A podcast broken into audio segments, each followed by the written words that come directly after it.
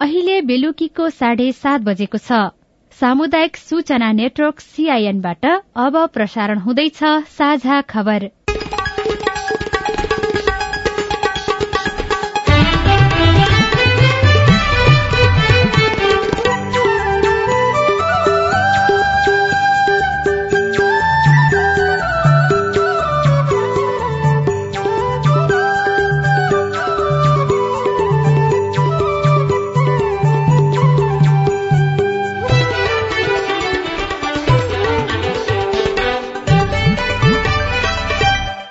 सीआईएनको साझा खबरबाट सोभिता रिसालको नमस्कार। साझा खबर देशभरिका सामुदायिक रेडियो सीआईएन खबर डट कम र मोबाइल एप सीआईएनमा पनि सुन्न सकिन्छ।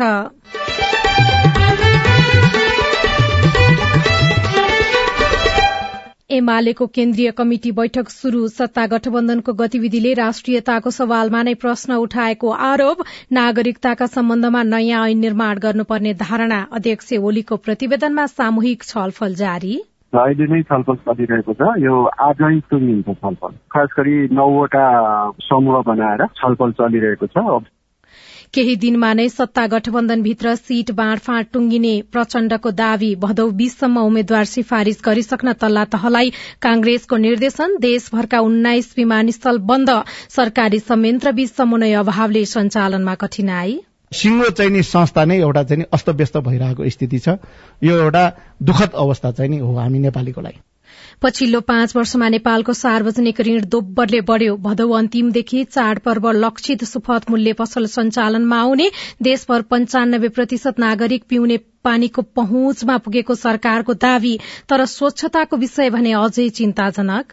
योजना विस्तार भइरहेका छन्। तर संख्या घटिरहेछ भनेपछि के हो त भन्दा पहिले बनेका योजनाहरू चाहिँ खराब भइसक्यो नि त। सबै प्रदेश सरकार स्थानीय सरकार र चाहिँ संघीय सरकार लाग्ने हो भनेदेखि यसमा धेरै ठूलो समय लाग्दैन। र वर्षा र बाढ़ीका कारण पाकिस्तानका तीन करोड़ तीस लाख भन्दा बढ़ी मानिस प्रभावित। केन्या विरूद्धको दोस्रो टी ट्वेन्टी क्रिकेटमा नेपाल अठार रनले पराजित।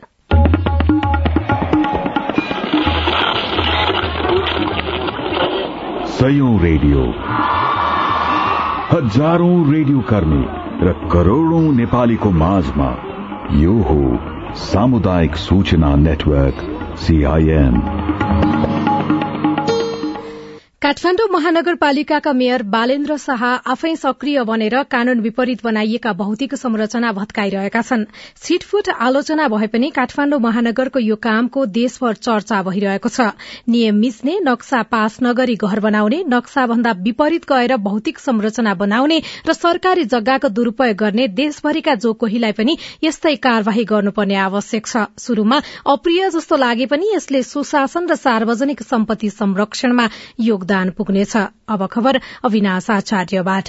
नेकपा एमाले सत्तारूढ़ गठबन्धनका गतिविधिहरूले मुलुकको राष्ट्रियता लोकतन्त्र र जनजीविकाका सवालमा संकट पैदा गरेको आरोप लगाएको छ। आजबाट शुरू भएको एमाले केन्द्रीय कमिटिको चौथो पूर्ण बैठकमा अध्यक्ष केपी शर्मा ओलीद्वारा प्रस्तुत राजनैतिक प्रतिवेदनमा यो विषय उल्लेख छ। सारमा गठबन्धनका क्रियाकलापले राष्ट्रियता लोकतन्त्र र जनजीविकामाथि नै संकट पैदा हुँदै गएको प्रतिवेदनमा भनिएको छ।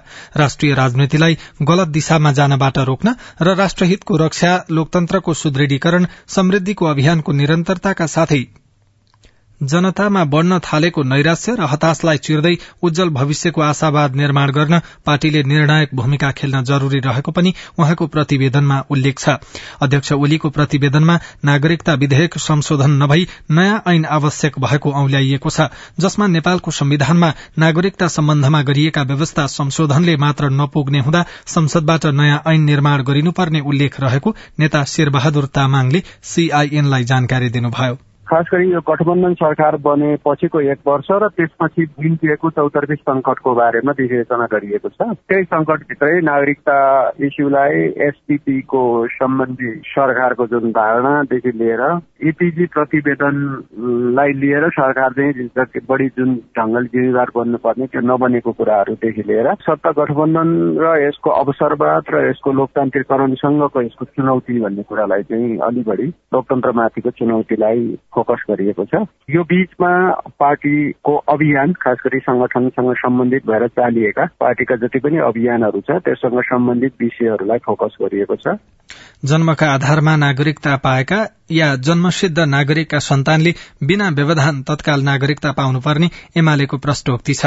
तर वैवाहिक अंगीकृतका हकमा निश्चित समयको अन्तरालपछि मात्रै नागरिकता पाउने र त्यस अवधिसम्म निजलाई बसोबासका लागि परिचय पत्र वितरण गर्ने साथै व्यवसाय लगायतका कामका लागि सहज तुल्याइनुपर्ने प्रतिवेदनमा उल्लेख छ।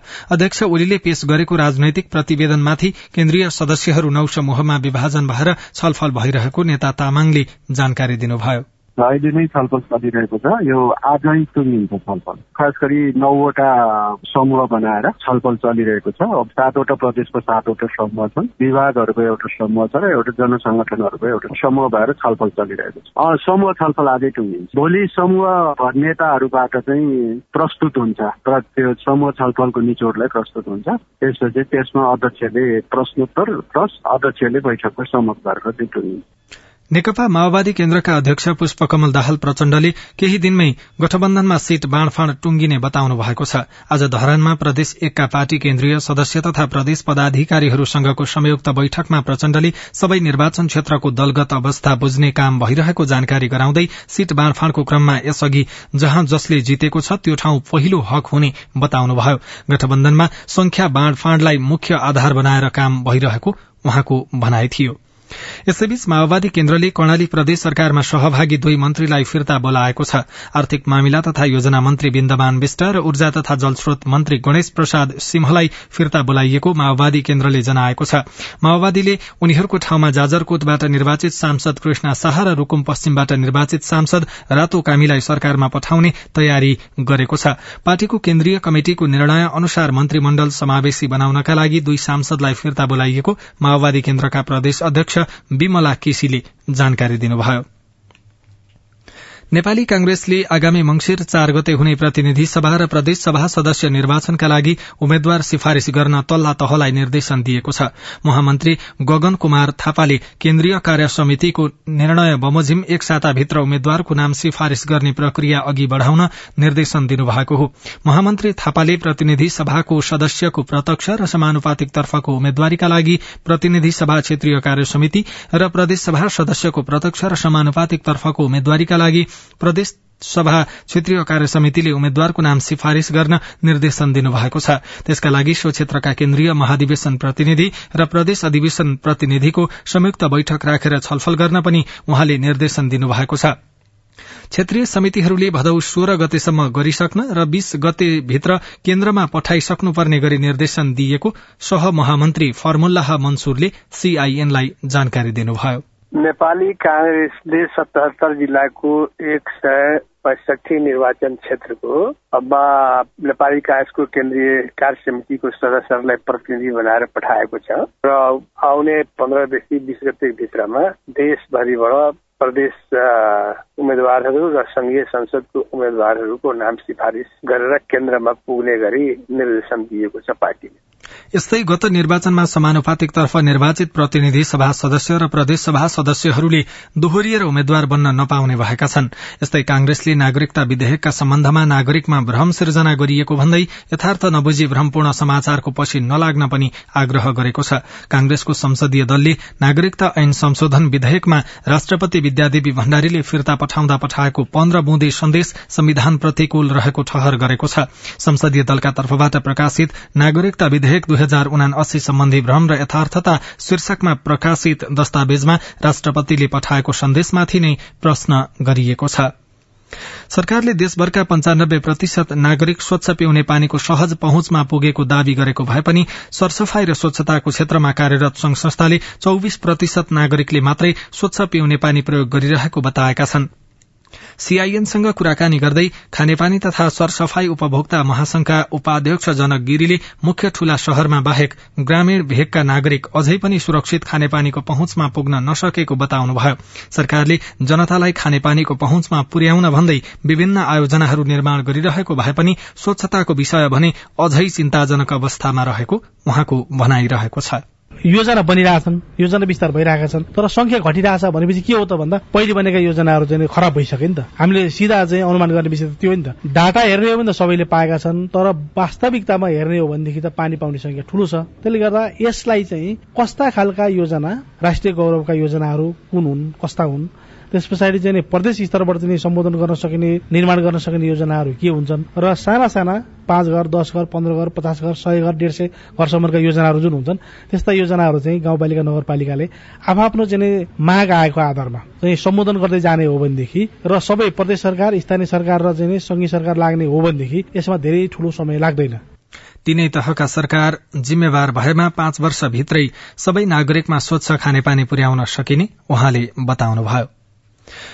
पछिल्लो पाँच वर्षमा नेपालको सार्वजनिक ऋण दोब्बरले बढ़ेको छ।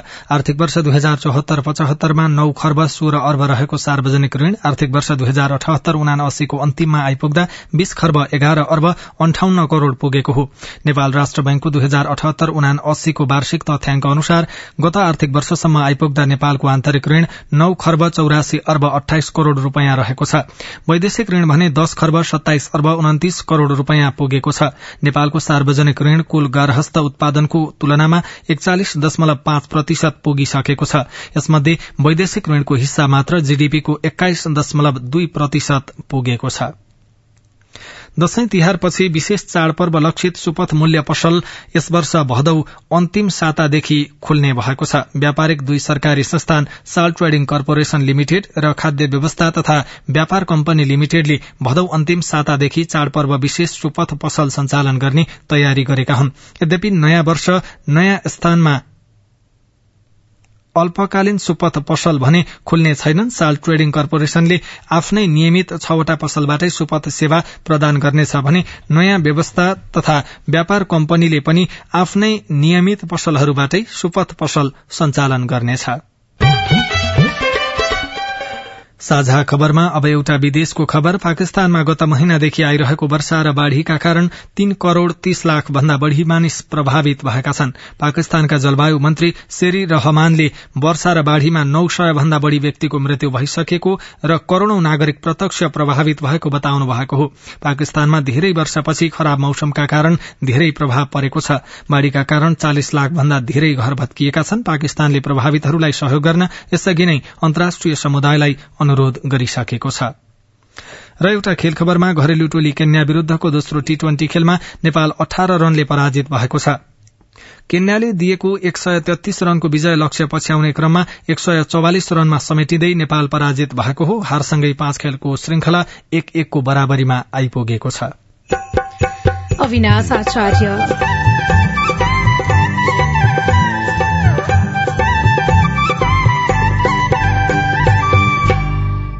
विद्यालय एक नर्स कार्यक्रम प्रभावकारी बन्दै। व्यक्तिगत स्वास्थ्यको कुराहरू पोषणको कुराहरू आदिमा जोड दिनुहुन्छ र विशेष गरी आइरन चक्की खुवाउने पनि गर्नुभएको छ। हामी हरेक शुक्रबार शुक्रबार खाने गर्छौं। विद्यार्थीहरू नियमित विद्यालय आउने क्रम पनि बढ़्यो। रिपोर्ट जहाज नचलाउने भए विमानस्थल किन बनाइन्छ? मन्त्रीसँगको कुराकानी सहितका विशेष सामग्री बाँकी नै छन्। सीआईएनको साझा खबर सुन्दै गर्नुहोला। मम्मी खाजा। मम्मी मेरो होमवर्क गर्ने कापी। बुहारी एकदम खुट्टा दुख्यो। बुहारी चिया खान मन लागेको थियो। बुढी कपडा मैलो भएछ। अरे मेरो परिवार। भर्खरै सुनेको संवाद तपाईँलाई कस्तो लाग्यो? यही संवादलाई फेरि एकपटक यसरी सुनौ न है। मम्मी खाजा आज म बनाउँछु। मिठो बनाउँछु है। मम्मी मेरो होमवर्क गर्ने कापी मैले खोजिसके। अब म होमवर्क गर्छु। बुहारी एकदम खुट्टा दुख्यो। छोराले तेल तताएर लगाइदिएपछि अलि आराम भयो। बुहारी चिया खान मन लागेको थियो। सबैको लागि बनाएको छु। आऊ सबैजना खान। बुढी कपडा मैलो भएछ। घर नि कस्तो फोहोर। कपडा धोएर भ्याए। अब घर सफा गर्छु। कोरोनाको महामारीबाट बस्न पनि त सरसफाई जरुरी छ नि। आहा मेरो परिवार। तपाईँलाई दोस्रो संवाद कस्तो लाग्यो? पक्कै राम्रो लाग्यो। हो। तपाईँ हामी बीच जिम्मेवारी बोध भयो भने एक अर्का बीचको निकटतालाई अझ राम्रो बनाउन सकिन्छ। बाढी चोडी जिम्मेवारी परिवारमा समझदारी। महिला बाल बालिका तथा ज्येष्ठ नागरिक मन्त्रालय युएन वुमन ल्याक र अकुराबको सहकार्य। सामाजिक रूपान्तरणका लागि यो हो सामुदायिक सूचना नेटवर्क सीआईएन तपाई सामुदायिक सूचना नेटवर्क सीआईएनले तयार पारेको साझा खबर सुन्दै हुनुहुन्छ। ताप्लेजुङको सिरिगंगा र सिदिङवा गाउँपालिकामा बाढ़ी र पहिरोबाट विस्थापित एक सय बाहन्न घरधुरीलाई पुनर्स्थापनाका लागि सिफारिश गरिएको छ। जिल्ला विपद व्यवस्थापन समिति ताप्लेजुङले विस्थापित परिवारलाई पुनर्स्थापनाका लागि राष्ट्रिय विपद जोखिम न्यूनीकरण तथा व्यवस्थापन प्राधिकरण समक्ष सिफारिश गरेको हो। जिल्ला विपद व्यवस्थापन समितिका अध्यक्ष एवं प्रमुख जिल्ला अधिकारी महेश कुमार पोखरेलका अनुसार सिरिजंगाका एक सय सत्र र सिदिङवाका पैंतिस घरधुरीलाई पुनर्स्थापना स्थापनाका लागि सिफारिश गरिएको रेडियो तमोर ताप्लेजुङले खबर पठाएको छ। सामुदायिक सूचना नेटवर्क सीआईएनमा कार्यरत पत्रकार अविनाश आचार्यलाई फेडवासन वास पत्रकारिता पुरस्कार दुई हजार उनासी प्रदान गरिएको छ। खानेपानी सरसफाई र स्वच्छताको क्षेत्रमा रेडियो मार्फत उत्कृष्ट समाचार सम्प्रेषण गरे बापत पत्रकार आचार्यलाई काठमाण्डुमा आयोजित एउटा कार्यक्रममा पुरस्कृत गरिएको हो। पुरस्कार वितरण गर्दै बागमती प्रदेशका मुख्यमन्त्री राजेन्द्र पाण्डेले सरसफाई र स्वच्छताको क्षेत्रमा धेरै काम गर्न सकिने भए पनि संघ र प्रदेश बीचमा समन्वयको अभाव भएकाले सोचे अनुसारको काम गर्न नसकिएको बताउनुभयो। सल्यानका सामुदायिक विद्यालयमा नर्स कार्यक्रम प्रभावकारी भएको छ। विद्यालयमा बिरामी भइहालेको खण्डमा विद्यार्थीको उपचार गराउनको लागि नर्स र प्राथमिक खालका औषधिहरू राखिएका छन्। विद्यालयमा नर्स कार्यक्रम लागू भएदेखि विद्यार्थी खुशी मात्रै भएका छैनन्। आफूलाई परेको समस्या प्रष्टसँग राख्न सक्ने पनि भएका छनृ। स्कुलले प्याडको व्यवस्था गर्दै धेरै राम्रो शिव माध्यमिक विद्यालय मूल डाँडामा कक्षा दशमा अध्ययनरत देविका भण्डारी। संघीय सरकारले महत्वका साथ शुरूआत गरेको एक विद्यालय एक नर्स कार्यक्रम प्रभावकारी बन्दै गएको छ। महेन्द्र माध्यमिक विद्यालय पिपलनेटामा कक्षा आठमा अध्ययनरत मोनिका महर्जन विद्यालयमा नर्स बस्न थालेपछि सहज भएको बताउनुहुन्छ। महिनाभरिको समस्याहरू सरहरूलाई भन्दा नराम्रो हुन्थ्यो। म्यामहरू आएपछि सबैलाई सजिलो पनि भएको छ व्यक्तिगत स्वास्थ्यको कुराहरू पोषणको कुराहरू आदिमा जोड दिनुहुन्छ र विशेष गरी रक्त अल्पताबाट बस्नको लागि आइरन चक्की खुवाउने पनि गर्नुभएको छ। हामी हरेक शुक्रबार शुक्रबार खाने गर्छौं। सल्यानमा उनानब्बेवटा माध्यमिक विद्यालय रहेका छन्। ती मध्ये शारदा नगरपालिका भित्रका दसवटा माध्यमिक विद्यालयमा स्कूल नर्स कार्यक्रम सञ्चालन भइरहेको छ। विद्यालयमा रहेका नर्सले बाल बालिकाको स्वास्थ्यमा समस्या आए जाँच गर्ने प्राथमिक उपचार गर्ने तथा स्वास्थ्य सल्लाह दिने गरेका छन्। विद्यालयमा नर्स आउन थालेपछि किशोरीहरू पनि नियमित विद्यालय आउन थालेका छन्। महिनावारीको समयमा गैर हुने क्रम पनि घटेको छ। शिव माविमा कार्यरत school nurse Prerana regular school नआउने महिनावारी भएको बेला हुन्छ नि। त्यो बेलामा चाहिँ एकदम लाज मान्ने हुन्थ्यो अनि म्यामहरूसँग भन्न पनि एकदम लाज मान्ने सरसँग भन्न पनि लाज मान्ने हुन्थ्यो। म आइसकेपछि अहिले चाहिँ एकदम सहज तरिकाले अब गर्ल्सले बोइजले एकदम खुलेर बोल्नुहुन्छ। नर्सहरूले विद्यार्थीको स्वास्थ्य जाँच गर्ने प्रजनन स्वास्थ्यका बारेमा जानकारी गराउने गरेका छन्। यसबाट विद्यार्थीले सरसफाई र स्वास्थ्यको महत्व पनि बुझेका छन्। महेन्द्र माविमा कार्यरत स्कुल नर्स सम्झना सिंह। स्कुलमा पहिला प्राथमिक उपचार चाहिँ हुन्छ। जस्तो विद्यार्थीहरू बिरामी हुने कसैलाई चाहिँ सिटी जस्तो प्रब्लमहरू देखिने कोही आत्तिएर हुन्छ नि बेहोस हुने खालको हुँदा चाहिँ उनीहरूलाई चाहिँ घर पनि पठाउने गर्नुभएको रहेछ होइन? मैले घर नपठाएर आफ्नै स्कुलमै राखेर उनीहरूलाई ट्रिटमेन्ट गरेर एकछिन पछि निको भए चाहिँ क्लास चाहिँ लिन चाहिँ सक्छ। अब जस्तो बिरामी भयो भने एउटा क्लास छुट्ला तर नेक्स्ट क्लास हुन्छ नि त्यो चाहिँ उनीहरूको कम्प्लिट क्लास चाहिँ लिन्छन्। महेन्द्र मावि पिपलनेटाका प्रधानाध्यापक प्रकाश समाल विद्यालय नर्स कार्यक्रम सञ्चालन भएपछि सरसफाईको बारेमा विद्यार्थी जानकारी हुनुका साथै समग्र विद्यालयको नै विकास भएको बताउनुहुन्छ। विद्यार्थीहरूलाई स्वास्थ्य समस्या परेको बेला प्राथमिक उपचार आफूले सक्ने जुन उपचार गर्नु भएको छ त्यो उपचारको कारणले घर फर्केर जाने बच्चा बच्चीहरू पनि विद्यालयमा रोकेर पठन पाठनमा सहभागी हुन्छन् भने कति बच्चा बच्चीहरू हेल्थ पोस्टसम्म नगएर विद्यालय नर्सलाई सम्पर्क गर्ने र उहाँबाट स्वास्थ्य सल्लाह लिने औषधि लिने गर्छन्। यसले गर्दाखेरि विद्यार्थीहरू विद्यालयमा अलिक बढी नै उपस्थित हुने र विद्यार्थीहरू कक्षा छोडेर या विद्यालय छोडेर स्वास्थ्यको कारणले जाने विद्यार्थीहरू न्यून भएको छ। एक विद्यालय एक नर्स कार्यक्रम अन्तर्गत विद्यालयहरूले विद्यार्थीको उपचारका लागि एउटा कोठाको व्यवस्था गरेका छन् जहाँ विद्यार्थीले समस्या राख्ने गरेका छन् भने नर्सले समाधान। यो कार्यक्रम प्रभावकारी हुँदै गर्दा सम्पूर्ण विद्यालयमा नर्सको व्यवस्था गरिदिन अभिभावकको माग रहेको छ। बुद्धिपुन सीआईएन सामुदायिक रेडियो राप्ती सल्यान। साझा खबरमा अब हेलो सीआईएन आजको हेलो सीआईएनमा पहिलो प्रश्न छ। म सञ्जय शाह हजुर म दुधौलीबाट। मेरो श्रीमतीको नागरिकता नबन्नुको कारण धेरै समस्या आइरहेको छ हजुर। मेरो ससुरा जन्मसिद्ध नागरिकता बनाइएको छ र सासूको नागरिकतामा वंशज भएको छ। तर उहाँ मेरो श्रीमतीको नागरिकता बन्न धेरै अप्ठ्यारो गराइरहेको छ। कुन ठाउँ र कसरी म जान्न सक्छु हजुर? तपाईँको समस्याबारे सिन्धुलीका प्रमुख जिल्लाधिकारी रमेश नेउपाने भन्नुहुन्छ। कसको के नागरिकता हो शनाखत गर्ने मान्छे को हो डकुमेन्टहरू ओडाबाट आयो कि आएन त्यो नहेरेर यसै अनुमानको भरमा भन्न त सकिँदैन। उहाँलाई चाहिँ बरु सिधै तल मानौ कि अब कर्मचारीहरूले चाहिँ टाइमली गर्दैनन् अथवा त्यस्तो लाग्छ भने सिधै चाहिँ प्रमुख जिल्ला अधिकारी कहाँ आफ्नो डकुमेन्ट सहित पठाइदिनु अनि के रहेछ त्यसको प्रक्रिया किन ढिलो भएको रहेछ अनि म क्लियर गरिदिन्छु। हेलो म दुई हजार बिसमा मलेसिया गएको थियो। एक वर्षसम्म कम्पनीमा काम गरेँ। कम्पनीबाट पासपोर्ट छोडेर भागेर काम गरेँ। म नेपाल आएर एक वर्ष भयो। फेरि पासपोर्ट बनाएर बनाएर मलेसिया जान पाउँछ कि पाउँदैन? जवाब दिँदै हुनुहुन्छ। वैदेशिक रोजगार कार्यालय ताहचलका प्रमुख रमेश अरियाल। जान नपाउने कुरो त भएन। अब उहाँको पासपोर्ट के कारणले गर्दा रोक्यो भन्ने खालको चाहिँ उहाँको कन्फर्म हुनु पर्यो होइन। अब असल नियतले नै रोक्यो भने त छुट्टै कुरो। कहिले काहीँ फेरि आफूले अब केही गल्ती गरेर त्यस्तो खालको रोकेको छ र त्यहाँको अध्यागमनले त्यो रेकर्डमा राखेको छ भने त्यसमा उहाँको क्लियर हुनुपर्ने हुन्छ। नभएदेखि अब पासपोर्ट हराउन सक्छ कहिले कहिले के गर्न सक्छ त्यस्तोमा चाहिँ जान नपाउने भन्ने कुरो चाहिँ हुँदैन। र पर्याप्त पानी नपर्दा नेपालगंजको नरैनापुर क्षेत्रमा धान खेत सुकेको सम्बन्धी रेडियो रिपोर्ट सीआईएनको साझा खबरमा सुनेपछि बाबुलाल थापा हाम्रो फेसबुकमा लेख्नुहुन्छ जलस्रोतका हिसाबले धनी भनिएको देशको तराई जस्तो भूमिमा समेत सरकारले सिंचाईको व्यवस्था गर्न सकेन। अब त प्रकृतिले पनि ठग्न लाग्यो। निमुखाहरूलाई गाह्रो होला। तपाई जुनसुकै बेला हाम्रो आइभीआर नम्बर शून्य एक बान्न साठी छ चार छमा फोन गरेर आफ्नो प्रश्न जिज्ञासा गुनासा अनि समस्या रेकर्ड गर्न सक्नुहुनेछ। तपाई सामुदायिक सूचना नेटवर्क सीआईएनले काठमाण्डुमा तयार पारेको साझा खबर सुन्दै हुनुहुन्छ। गुल्मीको रेसुङ्गामा विमानस्थल बन्यो तर सञ्चालनमा आएन। प्लेन छ कि अन्य हामीलाई ठुलो आश थियो। अब आश पनि मरिसक्यो। धेरै जनताहरू आएर यहाँ हेर्न मात्रै आए अनि टिकटक मात्रै बनाउने साथ मात्रै भइसक्यो। देशभरका अठार विमानस्थल बन्द रिपोर्ट चलाउन नसक्ने भए राज्यको स्रोत खर्चेर विमानस्थल किन बनाइन्छ? मन्त्रीसँगको कुराकानी बाँकी नै छ। सीआईएनको साझा खबर सुन्दै गर्नुहोला।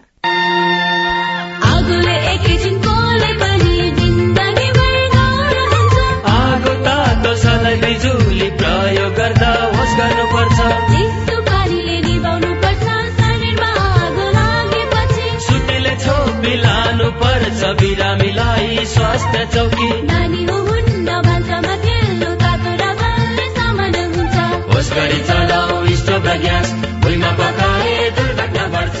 अग्निजन्य दुर्घटना भएमा शून्य एक पचपन्न पचपन्न छ आठ नौमा सम्पर्क गर्नुहोस्। बीबीएस नेपाल ललितपुर।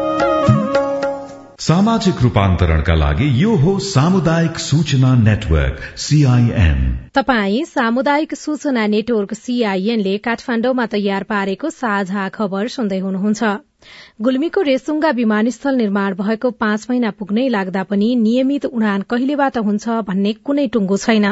ढिलै भए पनि विमानस्थल बनेकोमा नागरिक खुशी छन् तर नियमित उडानका लागि पहल नभएकोमा उनीहरूको गुनासो छ।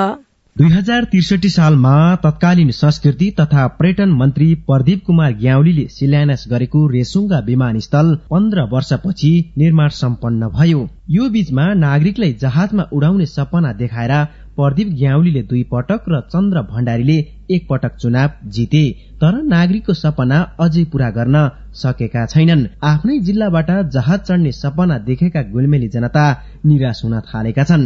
स्थानीय शेरबहादुर मगर। यस्तै छ भन्ने कहिले अब यो चुनावी हो होला यो अब राजनीति होला अब हाम्रा अलि त्यति गहिरो थाहा होइन। अहिले रेसुङ्गा विमानस्थल घुमघाम गर्ने र फोटो खिचाउने थलो बनेको छ। नियमित उडान भए आपद विपदमा आफूहरूलाई सजिलो हुने अर्का स्थानीय कल्पना भण्डारी बताउनुहुन्छ। कि अन्य हामीलाई ठुलो आश थियो। अब आश पनि मरिसक्यो। धेरै जनताहरू आएर यहाँ हेर्न मात्रै आए अनि टिकटक मात्रै बनाउने साथ मात्रै भइसक्यो। उडे अझै पनि राम्रो हुने थियो। अझै पनि अलिअलि आस्था छँदैछ। कहिले शिलान्यास कहिले परीक्षण उडान त कहिले अनुगमन भन्दै स्थानीयलाई पटक पटक थामथुम पारिएको छ। रेसुङ्गा नगरपालिका दशका उडा अध्यक्ष रामबहादुर बस्नेत दशैंसम्म नियमित उडान शुरू हुने दावी गर्नुहुन्छ। सञ्चालन हुन्छ भन्ने हामी पूर्ण विश्वास छौँ। यो गुल्मी जिल्लाको सबैको हाम्रो चाहिँ गौरवको विषय हो र यो सञ्चालन हुँदैन भने यो आशंका मात्रै हो। यो चुनावको कारणले गर्दाखेरि बर्खा समयले गर्दाखेरि विलम्ब भएको हामीले लाग्छ यो दसैँ कात्तिकभरिमा हुन्छ जस्तो लाग्छ। बत्तीस करोड़ नब्बे लाख खर्चिएर बनेको रेसुङ्गा विमानस्थल एक सय छपन्न रोपनी क्षेत्रफलमा फैलिएको छ। पाँच सय बीस मिटर लम्बाई र बीस मिटर चौडाइ रहेको विमानस्थलबाट साना टुइनेटर विमान चल्नेछन्। तर विमान भन्दा विमानस्थलको संख्या धेरै भएको सरकारकै तथ्याङ्क छ। डिबी खड्का सीआईएन सामुदायिक रेडियो स्काई गुल्मी। ठूलो लगानीमा निर्माण भएका नेपालका अधिकांश हवाई पूर्वाधार बेवारिसी अवस्थामा छन्। नेपालमा बनेका त्रिपन्नवटा विमानस्थल मध्ये करिब दुई तिहाई विमानस्थल घाटा वा बन्द अवस्थामा रहेका छन्। उन्नाइसवटा विमानस्थल वर्षौंदेखि घाँसे मैदान बनेको अवस्था छ।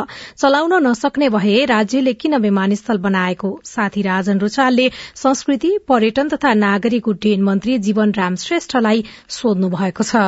यो एयरपोर्ट भनेको बस पार्क बनाए जस्तो बनाउने कुरा होइन।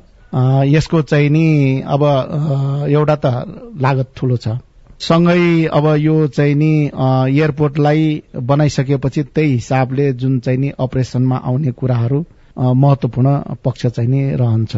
अहिलेको अवस्था कुरा गर्दाखेरि कतिपय एयरपोर्टहरू अहिले सञ्चालनमा छ कतिपय एयरपोर्टहरू सञ्चालनमा छैन। यी एयरपोर्टहरूको विषयमा हामीले एउटा त रिभ्यू गर्दैछौ। अर्को अब आवश्यक ठाउँको लागि चाहिँ नि त्यसलाई सञ्चालनको लागि चाहिने चाहिँ नि पूर्वाधारहरू त्यसको चाहिँ नि जुन कुराहरूलाई त्यसलाई हामीले केही चाहिँ नि अब थप गर्नुपर्ने छ भने त्यसलाई थप गरेर व्यवस्थित गर्ने काम चाहिँ नि गर्नुपर्छ भन्ने पक्षमा छौं। विमानस्थल व्यवस्थापन गर्ने भनेर तपाईँले जुन कुरा भन्नुभयो नि त्यो भन्या चाहिँ काम नलाग्ने विमानस्थलहरू अथवा नचल्ने विमानस्थलहरू बन्द नै गर्ने भन्ने हो?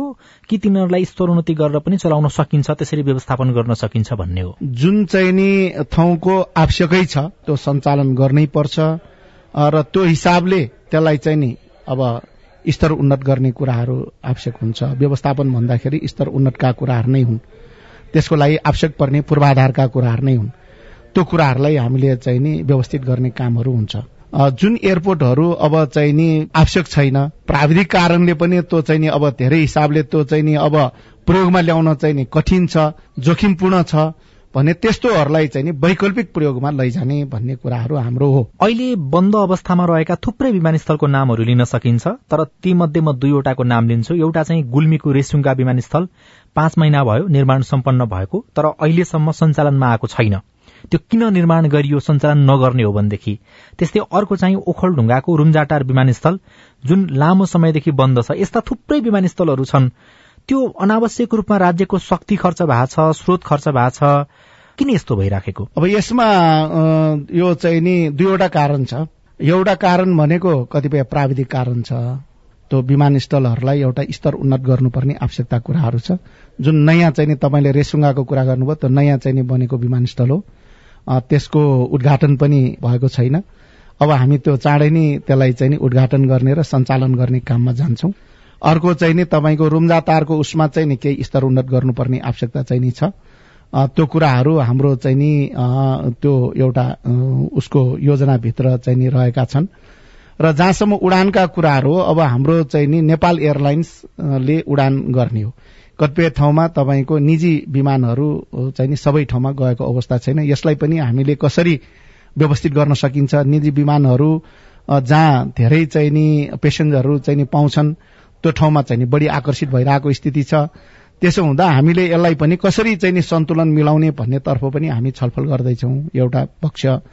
अर्को पक्ष अब नेपाल एयरलाइन्स जो एउटा सरकारी एयरलाइन्स हो त्यसले सेवा चाहिँ नि प्रदान गर्ने कुराहरू त्यहाँका चाहिँ स्थानीय जनसमुदायहरूलाई।